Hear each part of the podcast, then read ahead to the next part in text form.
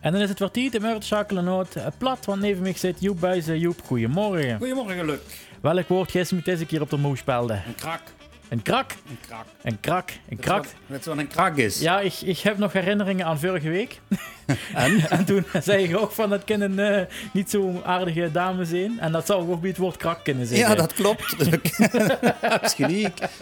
Een crème. Kan ze een crème hebben wat voor Ja. vorige week ook, maar dan kan ze ook een krak hebben. Maar krak, het is eh, eh, een vuilgebroekt woord voor, eh, ook voor mensen, maar ook voor dieren, maar ook voor een, een kar of een auto. Dat kan een ook krak zijn.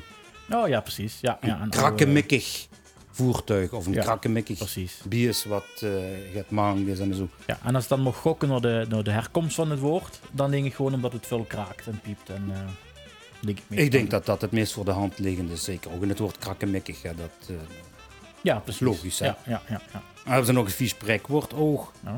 Een heel mooi spreekwoord, vind ik. eh, met, eh, met veel diepgang. Dan zeggen ze, doe has een krak of doe kries een krak.